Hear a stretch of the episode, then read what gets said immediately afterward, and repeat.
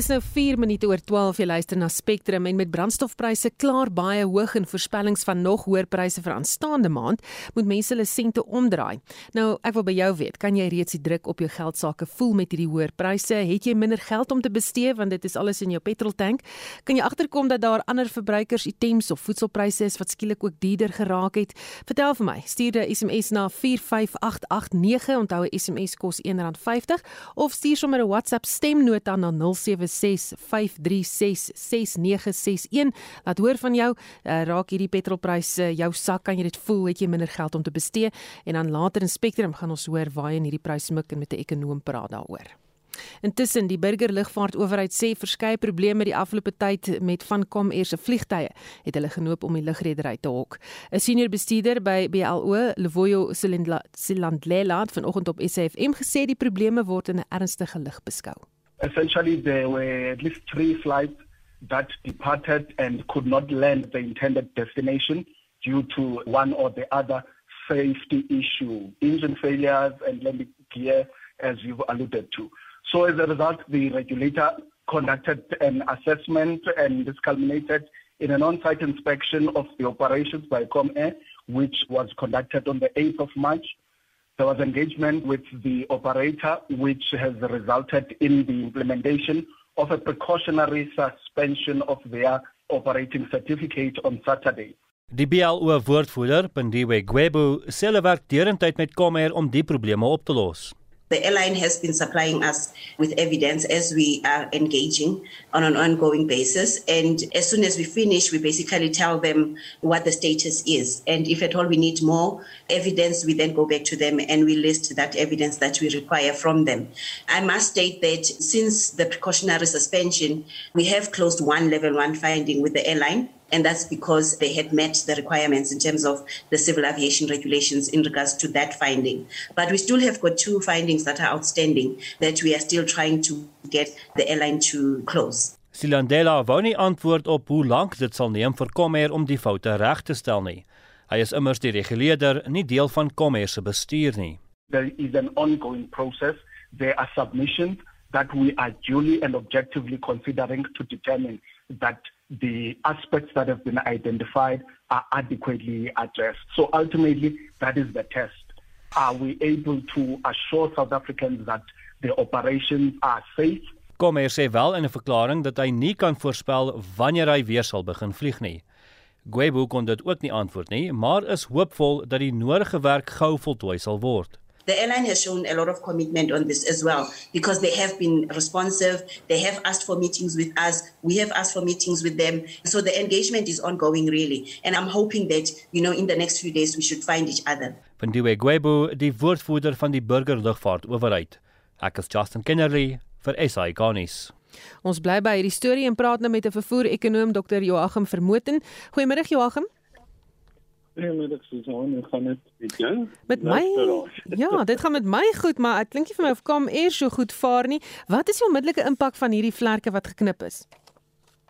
Ja, dit eh uh, plaas natuurlik 'n groot uh, beperking op die hoeveelheid eh uh, uh, vlugte wat gespit word in die mark. En eh uh, kom hier is 'n baie belangrike uh, deel van die uh, netwerk. Uh, so dit is natuurlik eh uh, te min of beteken dat daar min vlugte is en pryse sal gevolglik uh, styg. Hmm. En pryse het onmiddellik gestyg toe hierdie aankondiging gemaak is, so mense kon onmiddellik die impak sien eintlik. Ja ja, dit is waar. Hmm. Goed, ehm um, sommige mense beskou hierdie as 'n heksejag om die sukkelende SAL 'n gaping te gee om passasiers plaaslik te kan vervoer. Jou reaksie daarop? Wel, ek sou dit eerder benader uit 'n ander rigting. Dit is eh uh, eh uh, hierdie tipe van ding het in die verlede die kort verlede al gebeur. Uh as jy net terugdink na South African Express wat uh, 92 dae geground is, 3 maande en sien hier wat 9 maande en 6 dae geground is. Uh vir soortgelyke uh, uh optredes.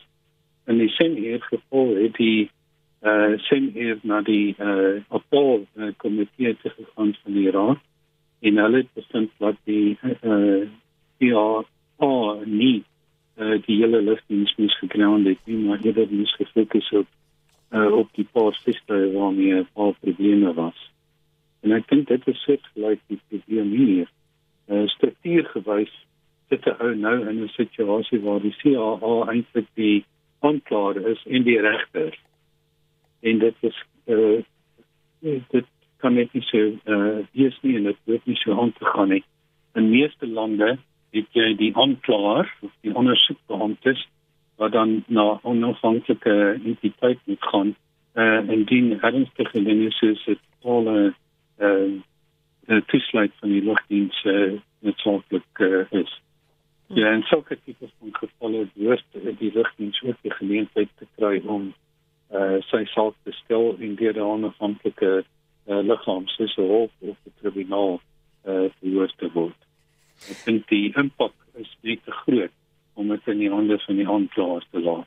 Hmm, want die skade aan hulle beeld, met ander woorde, die boodskap wat uitgestuur is dat die vliegtye is gevaarlik om in te vlieg want hulle kom nie uit waar hulle moet nie weens tegniese probleme nie. Dit is iets wat mense kan afskrik om met hulle te vlieg of saam met hulle te vlieg.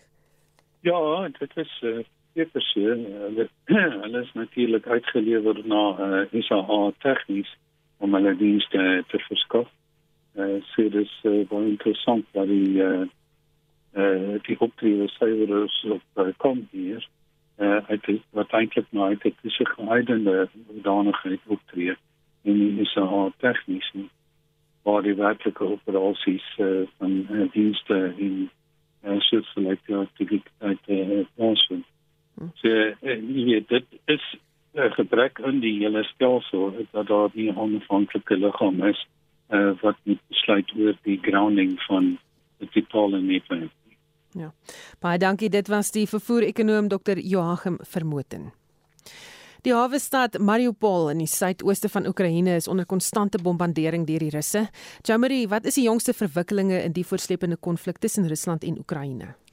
Mense wat in die stad vasgekeer is, is al amper 2 weke sonder krag, water en verhitting en mobiele kommunikasie na en vanuit die stad word al hoe skaarser.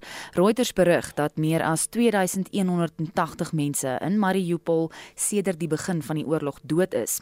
Die afgelope naweek het meer as 20 bomme in die hawe stad uh, het uh, meer as 20 bomme die hawe stad getref en Associated Press berig dat 'n pasgebore baba en die se moeder dood is nadat 'n kraamhospitaal in Mariupol Mariupol platgevee is.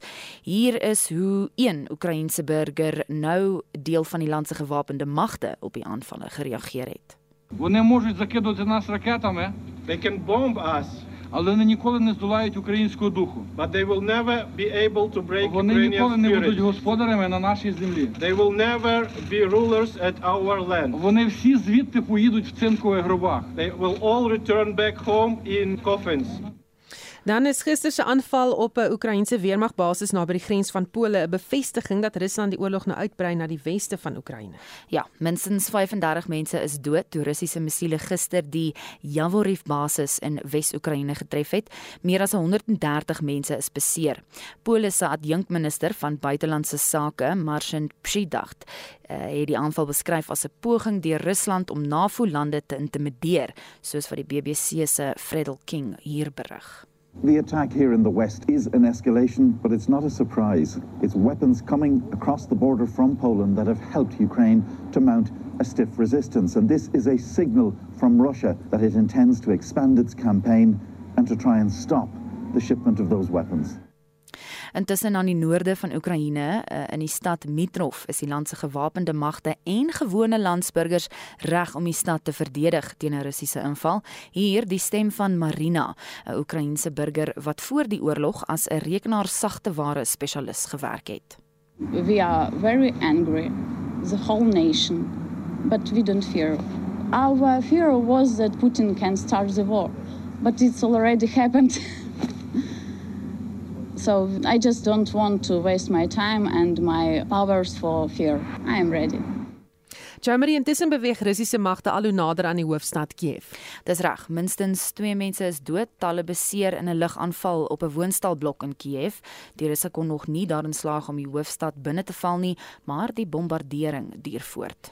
En vredesamesprekings tussen afgevaardigdes van Oekraïne en Rusland gaan vandag voort, maar is in Rome en Italië is daar nog 'n vergadering wat plaasvind. Ja, tussen die FSA en China. Amerika en uh, wil China probeer ooreed om nie wapens aan Rusland te verskaf nie, dit nadat Rusland China genader het om die impak van westerse sanksies te probeer hokslaan. Paus Fransis het intussen die volgende tydens 'n toespraak in St Pietersplein gesê. In the name of God, let the cries of those who suffer be heard, and let the bombings and attacks cease.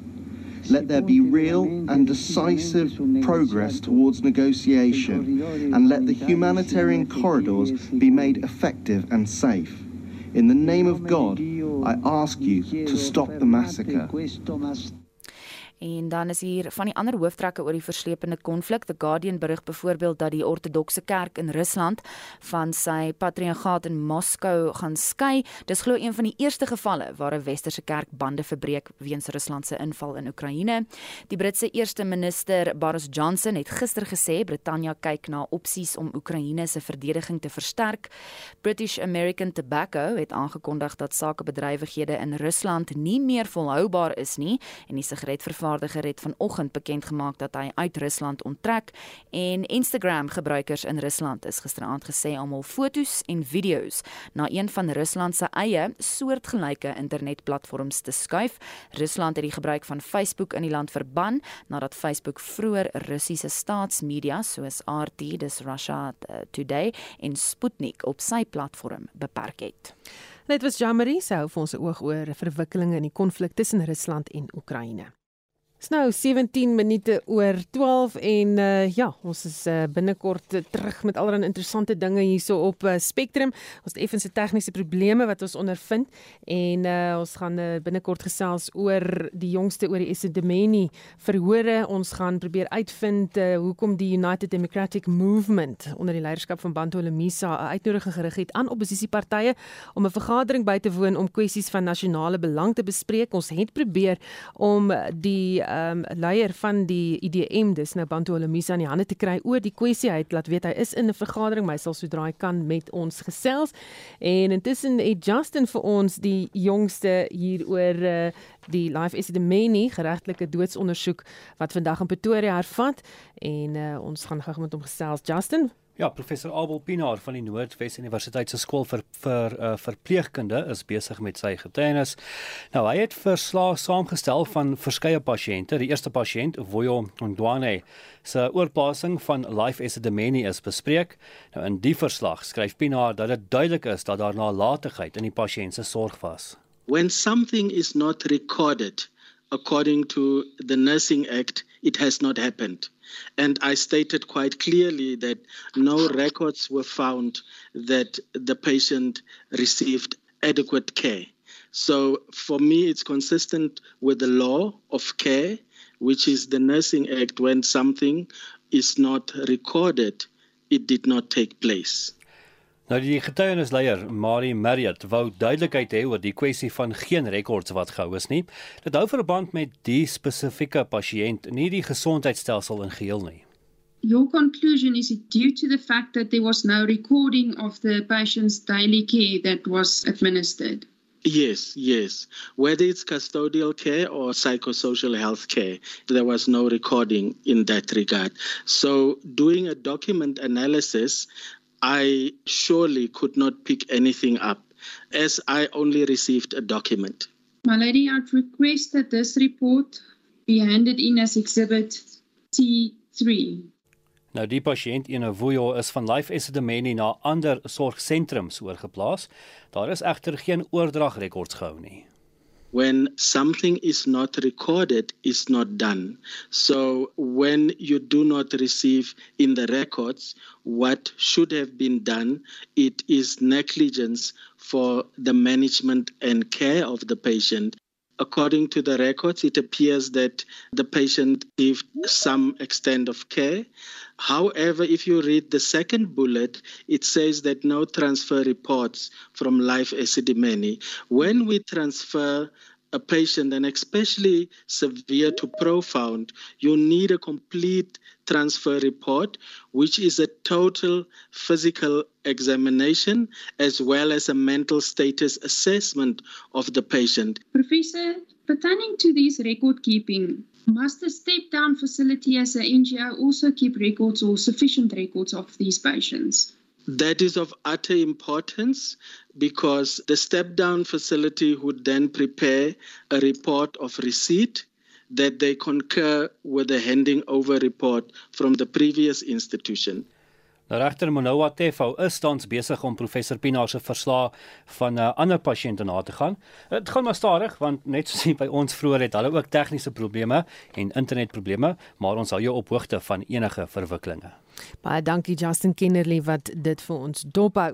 Nou die United Democratic Movement onder die leierskap van Bantu Olomisa het 'n uitnodiging gerig aan oppositiepartye om 'n vergadering by te woon om kwessies van nasionale belang te bespreek. Die kwessie sluit in dienslewering, staatsveiligheid en die Zondo en Party kommissies. Die vergadering is vir môre geskeduleer. 'n Spectrum soos ek vroeër gesê het, het Bantu Olomisa genader vir kommentaar oor die vergadering, maar hy kon ons nie te woord staan nie. Intussen praat ons met 'n politieke ontleder en dosent by die Port Elizabeth College vir verdere onderwys en opleiding Calvin Knowles. Goeiemiddag Calvin. Goeiemiddag Susanna, goeiemiddag aan die luisteraars. Is dit 'n vreemde verskynsel dat oppositiepartye so 'n tipe vergadering byeenkry om oor al hierdie kwessies wat die regerende party by betrokke is te bespreek? Susanna sê heeltemal vreemd nie. Uh alhoewel mense dit natuurlik meer sien wanneer gemeenskapsgroepe of civicus bymekaar kom en gemeenskaplike sake bespreek maar om hierdie politieke partye by byeen te kan kry, dui op die wat ek uh, sien as die geleidelike beweging wat sit tot 2016 nou al aan die toeneem is vir oppositiepartye om sake van gemeenskaplike belang te konfedereer. Soos ons byvoorbeeld ons kan sien dit gebruik uit die koalisiegesprekke van 2016, 2021 en ook die lopende koalisiegesprekke, maar ons moet nie vergeet dat hier gaan ons heel waarskynlik politieke partye kry wat botsende of verskillende uh ideologiese en beleidsrigtinge het en ook modus operandi in terme van hoe hulle dinge sou benader en vir hulle by mekaar te kom is nog wel 'n nuutheid en dit dui seker op die desperaatheid wat nou heers onder mense om onder onder die gewone publiek en ook natuurlik onder leiers van politieke partye om om die ANC in die bek te ruk. So, wat sal die uiteindelike oogmerk wees van so 'n vergadering? Susanna dink dit eintlike oogmerk van so 'n vergadering sal wees om in die lig van die die twee emosies van wantroue wat onlangs ingestel is deur die ATM en die DA om om momentum te bou rondom dit en om daai momentum te probeer behou uh, om teen die twee emosies van wantroue en ook om teen die kwelpunte wat wat die generaal in sy in sy Twitter uh feed soos hulle sê uh, of, of die verklaring wat hy uitgereik het wat hy noem.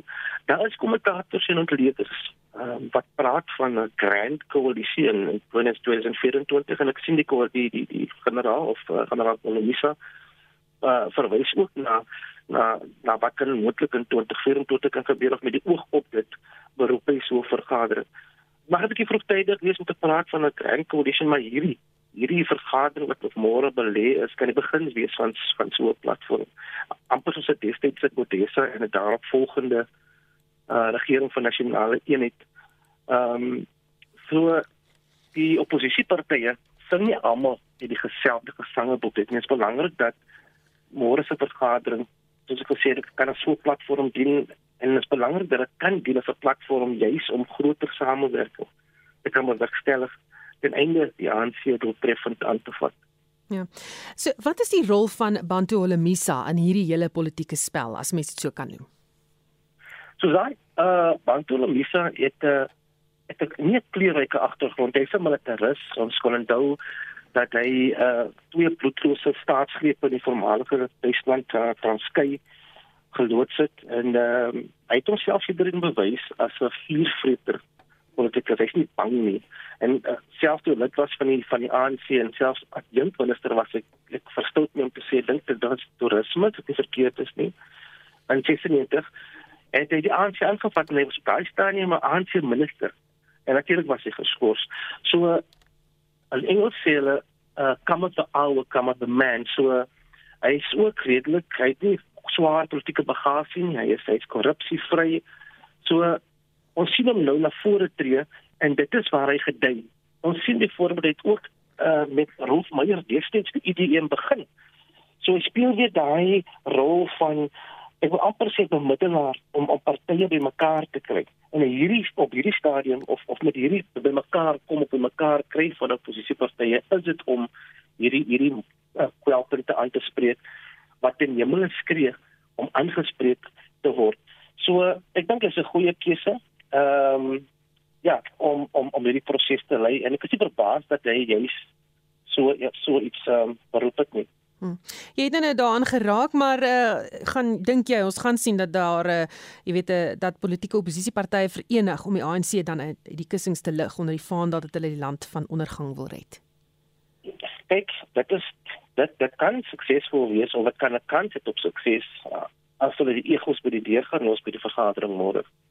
Ek het vroeër genoem, kyk, ehm um, hulle sing altyd van die geselle uit dieselfde sangboek uit nie hulle verskil ideologies en so en maar on, ons sou hoop dat ehm um, sy poging sou wees om 'n tipe van 'n sinvolle gesprek te voer en met pragmatiese voorstelle voor 'n dag te kom. Wat uit daai vergadering het moet kom om om 'n tipe van 'n formele beweging op die been te bring om die ANC die kussing te lig. En wil amper sê dit klink 'n bietjie baie ambisieus om te sê om die ANC die kussing te lig Maar vreemder goed het gebeur in die politiek in Suid-Afrika val. Maar is ook 'n feit dat die ANC homself nie kan korrigeer nie. So uh, dit is op die oomblik, op die oomblik is die ANC 'n speler en 'n skeieregter en hy maak die reëls en hy breek die reëls met vas die reëls aan sy aangaan so want dit is so so so wekroep vir politieke partye vir politieke partye maar om môre te vergader kon nie te vroeg gekom het of te laat gekom het nie. Dit is 'n beregte tyd vir dit kom. Baie dankie. Dit was 'n politieke ontleder en dosent by die Port Elizabeth College vir verdere onderwys en opleiding, Kelvin Knowles. Die spesiale ondersoekeenheid se spesiale tribunaal het vanoggend begin om 'n hersieningsaansoek van die SOE en die SAIK aan te hoor teen die openbare uitsaiers se voormalige bedryfshoof, Claudie Motsoeneng, en ander voormalige uitvoerende hoofde. Die SOE en die SAIK poog om 2,5 miljoen rand terug te win wat in 2016 aan musieklegendes vir Tamtime betaal is. Motsoeneng het die besluit in sy amptetermyn geneem en Estie de Klerk het die verrigting vir ons dopgehou. Estie, wat stipel die hersieningsaansoek van die SOE en die SAIK uit? Susan, die partye wil hê die besluit wat deur Matsoneng en ander voormalige hoofde van die SAIK geneem is om 50 000 rand elk aan sowat 50 musikante te betaal ter syde gestel en ongeldig verklaar moet word. En Matsoneng wat die aansoek teenstaan, sê die besluit is geneem om sukkelende kunstenaars finansiëel te bemagtig en 'n hupstoot te gee. En die Suid-Afrikaanse musieklegendes wat aansoek gedoen het om by die aansoek gevoeg te word, sê ook dat Matsoneng nie die geld moet terugbetaal nie. Daar is aan 'n spesiale ondersoekeenheid gevra hoekom hy deel is van die SAIK se hersieningsaansoek as die SAIK individuele organisasie is. Ja, die regsverteenwoordiger van die SOE het toe verduidelik die besluit om die tantieme aan musikante toe te ken is geneem deur 'n operasionele komitee in die SAIK voordat die SAIK raad in 2017 aangestel is. In this sort of matters, what the SABC would have done is then refer this matter to the SIU once it has prima facie that there are irregularities. The SIU then is appointed by the president. And I say that is an intervening event. At that stage, the SABC could not, on its own, could have just proceeded and ignored the appointment of the SIU. The delay in relation to the repayment is another issue, but the delay in relation to the decision itself, we submit that the Gizma principle must apply and the court must overlook. Otherwise, the SABC is going to be prejudiced. It must still continue paying over 8 million rands, which it doesn't have. Die SOE het ook betoog die operasionele komitee wat die besluit goedgekeur het, het dit gedoen sonder dat daar vir die betaling begroot is. Ja, en hy verwys na die mandaat wat die komitee gehad het vir die besluite wat geneem kon word volgens 'n 3 jaar sakeplan wat voorgeskryf was. The committee has got no independent decision making powers. In the three business place there are certain operations that may demand that there's approval of certain monies. The committee may, may do so, but up to 50 million. But it must be operational. Now, in this case, there were no policy, The matter was not budgeted for.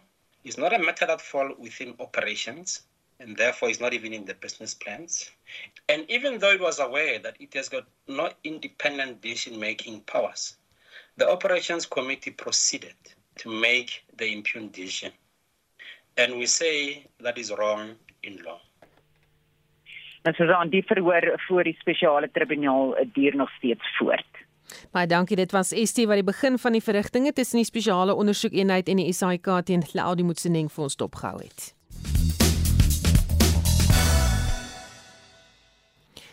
So ons het uh, nou gevra of jy dalk wil saamgesels oor die brandstofprys en uh, of dit al jou sak raak, kan jy dit voel het jy minder geld in jou sak en uh, ons luister nou 'n paar stemnotas van wat jy te sê het.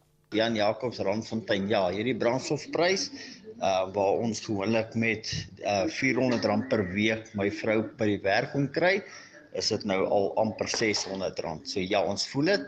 As hy hoor opgaan, dan kan ons ook kyk amper na dubbel. Dis by op Kleinsee, Noord-Kaap. Ons voel dit baie beslis. Ons naaste dorpie is mos Springbok waar ons ons kruideniersware koop.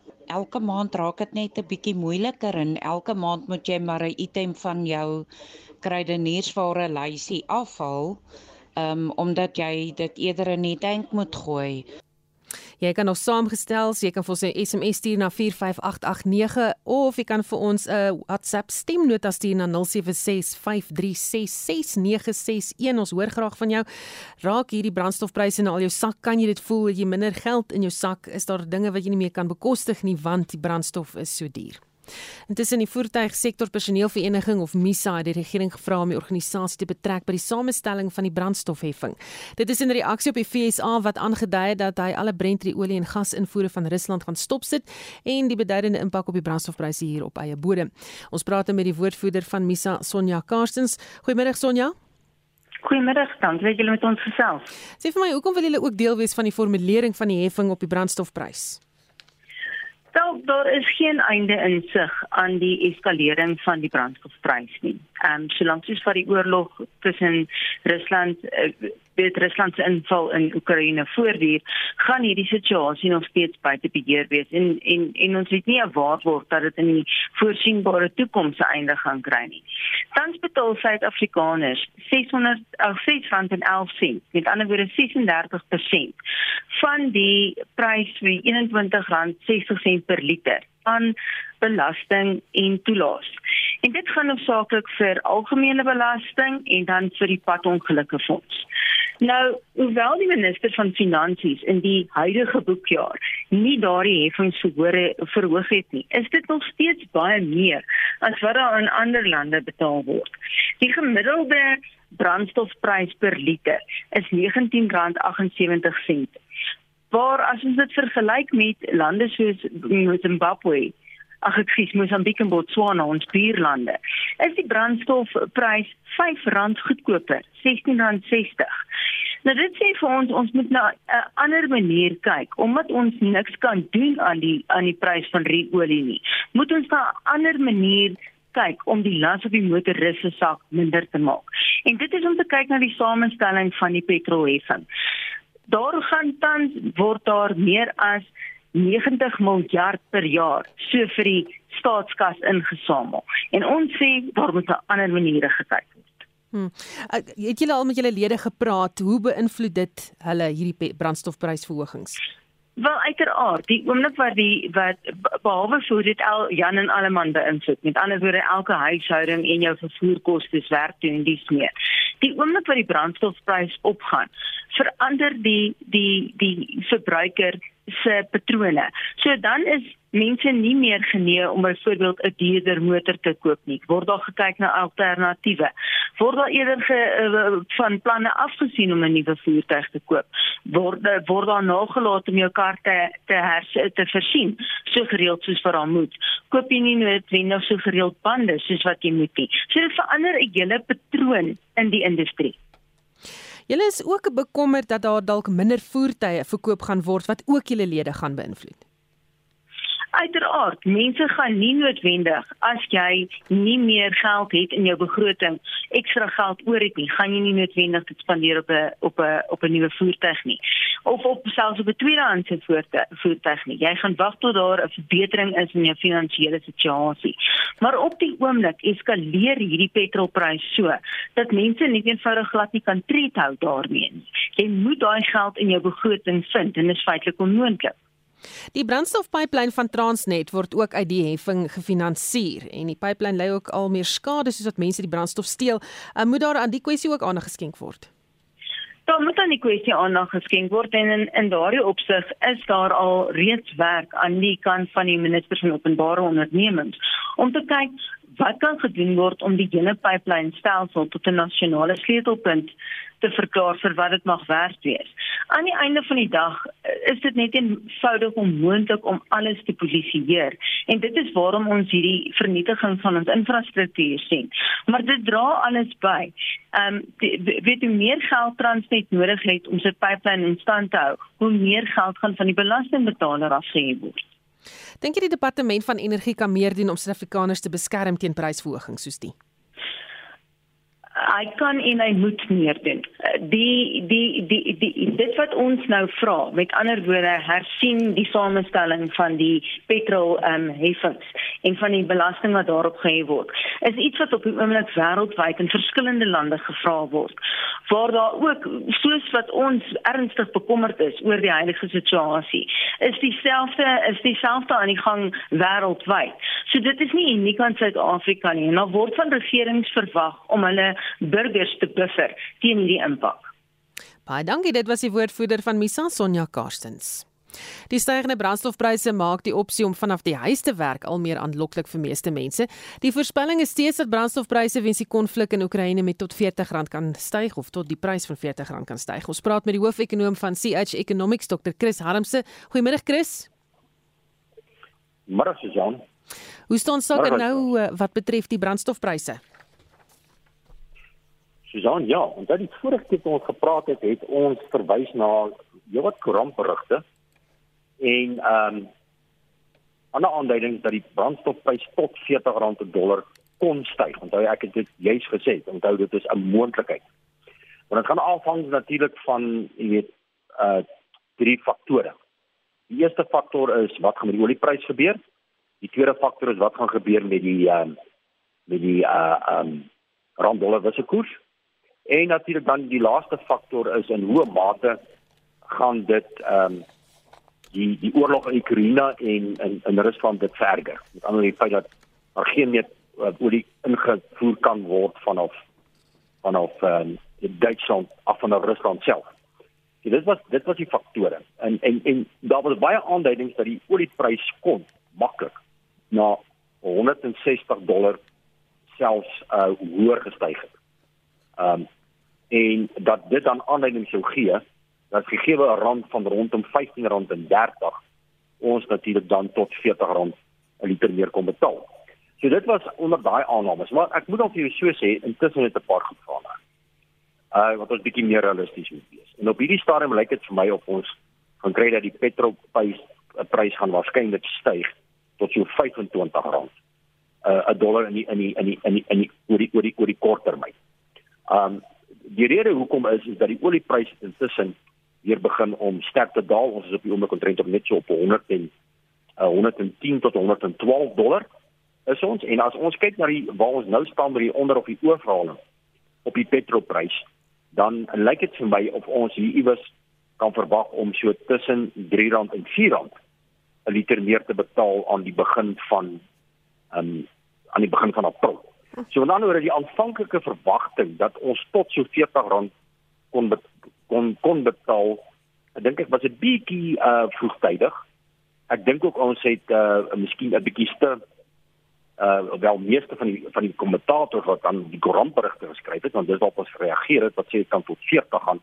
Het dan ook natuurlik aanvaar dat die oliepryse sou aanhou styg en dit hom geprojekteer hier na 200 180 na 200 dollar. Op die oomblik net vir luisteraars sê is dat petrol is oorverhaal met R2.34, dit is tot en met Vrydag. Uh op uh, petrol en op diesel R3.24. So ons kan op hierdie stadium verwag dat dit min of meer in daai rigting gaan styg. Dit was ook teen 'n rand van R15.10. En as dit oor die naweek gesien dat die rand het stelselmatig begin verbeter en dat die rand is geneig om redelik sterker te begin beweeg. Daar is inteendeel baie ontleeders en ek is een van hulle wat daarin glo dat die rand gaan binnekort onder die R15 in beweeg. So ons moet hierdie goed meer monitor op 'n weeklikse basis en dan maar kyk soos jy sê die rand is môre op R15.5. So uh dit is dus moontlik dat hierdie tussen R2.80 en R3.20 wat ons op die oomblik meer moet betaal natuurlik kan verminder in die volgende 2 weke. Hmm. Dis baie volatiel, dis baie onseker. Dit wissel amper soos vliegtuigkaartjies elke dag.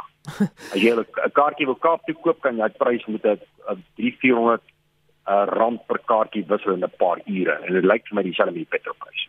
Is dit steeds net die konflik in Oekraïne wat die grootste drywer is van die stygings? Uh, ja, ek sou sê ek sou sê dit is 'n tekort oorsaak in die mark. En dit gesien dat die oliepryse het gegaan tot ehm um, 138 dollar ehm um, binne die eerste week. En toe het natuurlik die mense begin planne maak. Die FSA het byvoorbeeld aan Venezuela 'n ooreenkoms aangegaan dat Venezuela gaan met aan die FSA 400 000 vate per dag beskikbaar stel. Dit natuurlik sit die druk op die totale aanbod van olie oor die wêreld ook minder en daarom is ons nou op 107 dollar. En dit ook gekry dat daar 'n beroep gedoen was op die die die die oopelande, die uh die die olieproduserende uitvoerlande om ook hulle produksie te verhoog en lyk my hulle gee tog gehoor daaraan. Uh so met ander woorde, daar is dus 'n kan ons so sê 'n sanksie teen Rusland. Maar die mense sê goed, julle wil ons probeer miskien uh die olieprys in in in in 'n blik druk so die res van die wêreld natuurlik ook onder die uh die sanksies teen Rusland as 'n teenvoeter ook daaronder gaan lê. Maar lyk met die res van die wêreld begin ook as 'n teenvoeter kyk na waar kan ons nie olie op ander maniere kry en goedkoper nie. Ek bedoel ons is al reeds op 107 dollar. Dit is moontlik dat ons die volgende week of twee onder 100 dollar kan inbeweeg en dit begin normaliseer. Maar ek dink steeds dit is die is die sanksies en die teensanksies. Hm. Van de, van die Rusland en Oekraïne wat hierdie oliepryse so geweldig wisselvallig laat beweeg en dis natuurlik ook wat ek en jy kan betaal by die pomp oor twee weke van nou af. Baie dankie. Dit was die hoofekonoom van CH Economics Dr. Chris Harmse.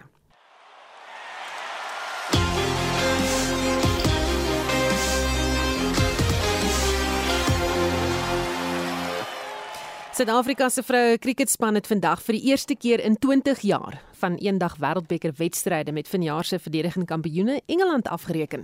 Engeland het in die proses al drie hulle wedstryde by die jaar se toernooi verloor. Die vroue Proteas behou hulle 100% rekord met vandag se oorwinning met net 3 paaltjies. Ons praat nou daaroor met die SAK se sportaanbieder en kommentator is natuurlik Udo Karelse. Udo, hoe groot is hierdie oorwinning vir Suid-Afrika? Susan, 'n goeie middag. Ja, is 'n groot rede hoekom ek vanoggend al die koffie en die Marie biscuits uitgebring het om uh, die wedstryd te kyk hier op 3 uur in die oggend. Uh tydens die laaste Wêreldbeker cricketliefhebbers sal onthou in 2017 in, in die semifinaal van hulle plekke het Engeland vir groot hartseer in Suid-Afrika gesorg toe hulle ons teiken van 218 lopies van die derde laaste bal van die wedstryd verbygesteek het en uh, sodoende ons ook huis toe gestuur het. Nou soos die inleiding sê, het ons voor vandag nie in 20 jaar so probeer in wêreldbeker wedstryde dit reg gekry om Engeland te klop nie. So vandag Susan was daai dag. Ons het die lood gewen. Kaptein Sunay Leach het almal verbaas dat hy op 'n verweerde kolfblad waarop daar reeds 5 wedstryde gespeel is gekies het om eerste te bal en die dag het eenvoudig net aan die speler van die wedstryd Marizan Kap behoort. Sy het 'n perfekte lyn en lengte aan haar en is met die paaltjies van Danny Wyatt en Engeland kaptein uh, Heaven Knight vergoed. 'n Vennootskap van 107 lopies deur uh, Tammy Bowman en Amy Jones kon glad nie keer wat Kap weer later teruggekeer het en ook haar eerste vyftaal in 'n eendag wedstryd neem nie. Haar syfers van uh, 5 vir 54 in 10 balbeurte was verreweg die beste van al die speler, spelers in die wedstryd. So Suid-Afrika moes so om die lopies aan te teken. Laura Wolfhard, ons voorste kolwer by die Wêreldbeker hierdie jaar, het 77 van 101 balle aangeteken, maar Kap het uh, ook 'n deurslaggewende rol gespeel met die kolf. Sy het 32 van 42 balle aangeteken en, en toe sy in die voorlaaste balbeurt uitgehaal is, was daar nog so 'n bietjie werk oor vir uh, Trisha Chetty en Shabnim Ismail wat 'n gekneusde groot toon moes gaan kom vanoggend, maar hulle het ons oor die wenstreep gekry met 4 balle oor in die wedstryd en uh, wat uh, nou ons hoogste tweede beurtelling by 'n wêreldbeker is van 236 lopies. Dis ook die eerste keer dat Engeland nie 'n telling van meer as 200 by 'n wêreldbeker kon verdedig nie. Jy praat van koffie en koekies, dis moes tee en koekies gewees het. Dis mos nou Engeland. nee, by my is dit beslis die koffie. Ons hou met die tee vir Engelse. Ja, 3 uur in die oggend sal ek 'n koffie drink. Goed, Bangladesh het groot opspraak gemaak toe die vroue span hul heel eerste oorwinning behaal het in 'n wêreldbeker wedstryd. Hulle het vroeg vanoggend met Pakistan afgereken met 'n skrale oorwinning met 9 lopies. Ja, absoluut. Elke tweede wedstryd in hierdie wêreldbeker is sover 'n hulle uh, hierdie wêreldbeker is ook Bang Bangladesh se debuuttoernooi. Voor vandag het hulle teen Suid-Afrika en Bangladesh in in uh, Pakistan verloor. So alhoewel uh, Pakistan 3 agtereenvolgende wêreldbeker wedstryde verloor het, het almal verwag dat hulle ten minste teen die uh, nuwelinge die boortoon sou voer. Dit was toe nie die geval nie. Bangladesh het eers gekolf en danksy 71 deur Farhana Houk Pinky het hulle 234 lopies balkies vir sewe paaltjies bereik in hulle 50 balbeurte. Pakistan se aanvangsgolwer Sidra Amin het 'n 100-tal bereik, 104 van 140 balle, maar dit was te vergeefs want, Bangladesh se bybreek bowler en ook speler van die wedstryd, Fahima Khatun, se drie paaltjies vir 38 lopies het daarvoor gesorg dat Pakistan uiteindelik almal uitgehaal is vir 225 lopies, dis die oorwinning met 9 lopies en so is geskiedenis vandag ook deur Bangladesh gemaak. Hoe lyk die puntelere wanneer speel ons vroue span weer? Maar onthou eerstens uh, net die vier topspanne sal die halfeindstryd haal. So vir Engeland, uh, die verdedigende kampioene soos jy vroeër gesê het, is dit nou amper neusie verby. Hulle saam met Pakistan heel onder aan die punteleer, die enigste twee spanne tot dusver sonder enige punte. Suid-Afrika sit nou in tweede plek net agter Australië op 6 punte. En die enigste verskil tussen ons span en die Australiese span is ons algehele loopie tempo. So nou Elise se span is donderdagoggend so Susan weer in nog 'n titaniese stryd gewikkel wanneer hulle teen die tuisspan New Zealand te staan kom en uh, die Witvarings soos die span bekend staan het alreeds 2 verliese gehad en sover twee wedstryde gewen so hulle sal ook desperaat wees om ons dames te klop maar uh, vir vandag net vandag kan Sunay Lis en die span net bietjie fees vier. Baie dankie dit was die SAK sportaanbieder en ons kollega Udo Karlse. Die DA het 'n voorstel ingedien om 'n amnestietydperk te gee aan buitelanders wat nie in besit is van die nodige dokumentasie om wettiglik in die land te wees nie. Die voorstel is dat buitelanders wat in Suid-Afrika is, die geleentheid gegee moet word om die land te verlaat en dan weer wettiglik die land binne te kom of vir visums in Suid-Afrika te moet aansoek doen. Est de Klerk het meer besonderhede. Die DA se voorstel deur sy beleidshoof Gwen Gwenya kom te midde van spanning in Alexandra in Gauteng waar Suid-Afrikaners wat sê hulle is deel van die Dodula beweging daarop aangedring het dat migrante in Alexandra hulle dokumentasie moes gee as bewys dat hulle wettig in die land is. Die toenemende spanning het daartoe gelei dat winkels in die gebied gesluit moes word. Gwenya sê die migrasiebeleid is gegrond op 3 standpunte: dat mense vrylik in die land kan beweeg, ekonomiese deelname van migrante en om mites oor buitelandse burgers hok te slaan. Sy sê die departement van binnelandse sake bemoeilik prosesse vir buitelandse burgers om die nodige dokumentasie te bekom. Due to the dysfunction, you have people who wait months up to years waiting for status determination and a result on their application with no reason as to why there's such a big difference in different cases. You also then have issues of corruption, which happen at every single stage of the process. You have corruption issues right from when people try to apply, when they're queuing at offices, they're bribed to be able to get inside or to make it to the front. And even some will need translators who are foreign nationals, and often then as well, there's corruption in the allocation and of translators. Until you have a proper home affairs, it's really difficult to be presented at the stage of someone who's undocumented and to determine whether it is of their own doing or due to the inefficiencies and corruption at home affairs. Ngwenya sê dit is hoekom die DA meen 'n amnestieperiode moet aan buitelandse migrante gegee word. the amnesty period would allow us to start from a clean slate. So it wouldn't be held against you, for example, that you are currently without documentation, or it wouldn't be held against you that maybe you have documentation but it's been long expired. Your application would be treated like any fresh application or new application that gets received. It eliminates any barriers from people who might be fearful of coming forward, uh, fearful that the fact that their documentation has been expired for however many years, that that will work against them and being able to apply for documentation. Sy sê buitelandse burgers word as sondebokke gestraf vir Suid-Afrika se werkloosheidskrisis. there's a lack of strong research that suggests that foreign nationals have a detrimental effect on the economy.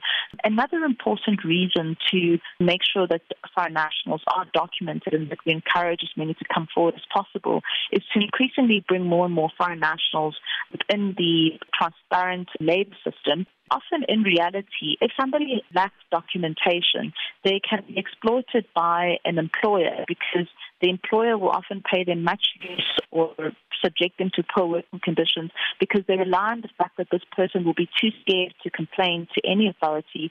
So it's very important for authorities to make clear that where we are dealing with a labor dispute or labor issue, we are not going in to look into whether you are documented or not. Ngwenya sê die DA sal oor die volgende paar maande ekstra stappe doen om te verseker dat die party se migrasiebeleid deel word van 'n wyeer nasionale debat oor immigrasiehervorming vir Suid-Afrika. Ek is Estie de Klerk vir SAK nuus. Nou ek het vroeg gevra of jy kan voel of die brandstofpryse jou raak en Mike sê ek het meer betaal vir een tank brandstof as my splinternuwe Citroen motor in 1976 gekos het. My naam is Karen Ek ry elke dag ry ons 75 km werk toe en terug. Ek dink nie daar is iemand in ons land wat 'n voertuig besit wat uh, gelukkig is oor die petrolprys nie. Ek het gesê ek gaan die heel eerste ene op die R59 wees met 'n donkiekar. Ek dink ek gaan regtig waar eerder moet 'n donkiekar vir my aanskaf. Ja, die brandstofprys Ja, so hy vat aan jou sak, hy vat aan jou sak. Uh maar gelukkig, ek het arm groot geword. Ek ken van swaar kry. Many ways to kill the cat. Ja, En uh, nog iemand wat sê is Donnie van George wat sê ek's 'n pensionaris, se VAT moet verminder word. Ons betaal belasting op belasting. Ek het slegs R350 oor per maand om kos te koop. Dan Dionay wat sê ons buurlande se petrolpryse is ongeveer R6 per liter goedkoper as in Suid-Afrika. Hoe is dit moontlik? En Christa van Brits wat sê ja, ons voel die brandstofprys beslis. Ons koop lankal geen ekstras meer nie, soos ons ouer word en medikasie nodig kry nie. Dit raak eh, hierdie brandstofpryse raak nou te erg. En Mentjie sê interessante ding, petrolprysstygings is nog mak teen die prysverhogings van 'n flesie Vitamiin B12 spuitstof. Prys het gestyg van R35 na R160 'n flesie van 10 ml.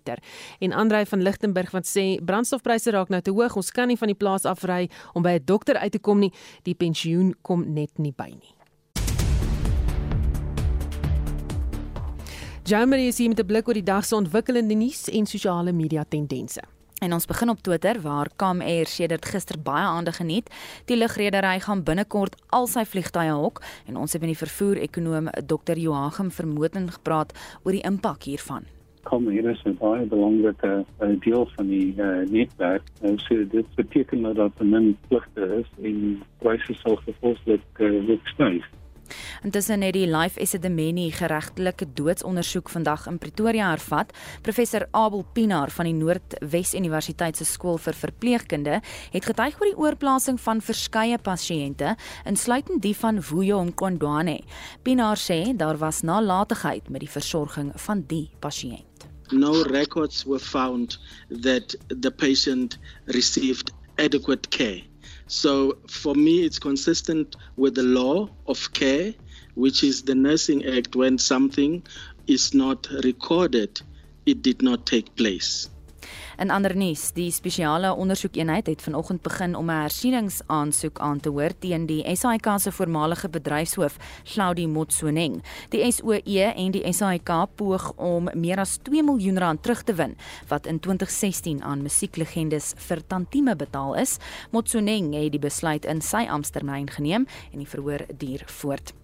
Nuus uit die vermaaklikheidswêreld. Die Oscar bekroonde akteur William Hurt is gister in die ouderdom van 71 oorlede. Hy is in 2018 met terminale prostaatkanker gediagnoseer. In 1985 het Hurt die Oscar gewen vir sy rol as 'n homoseksuele man in die rolprent Kiss of the Spider Woman. En die Hurt se war in Ukraine, Russia en Ukraine is gewilde onderwerpe op Twitter. China of China begin ook nou traksie kry.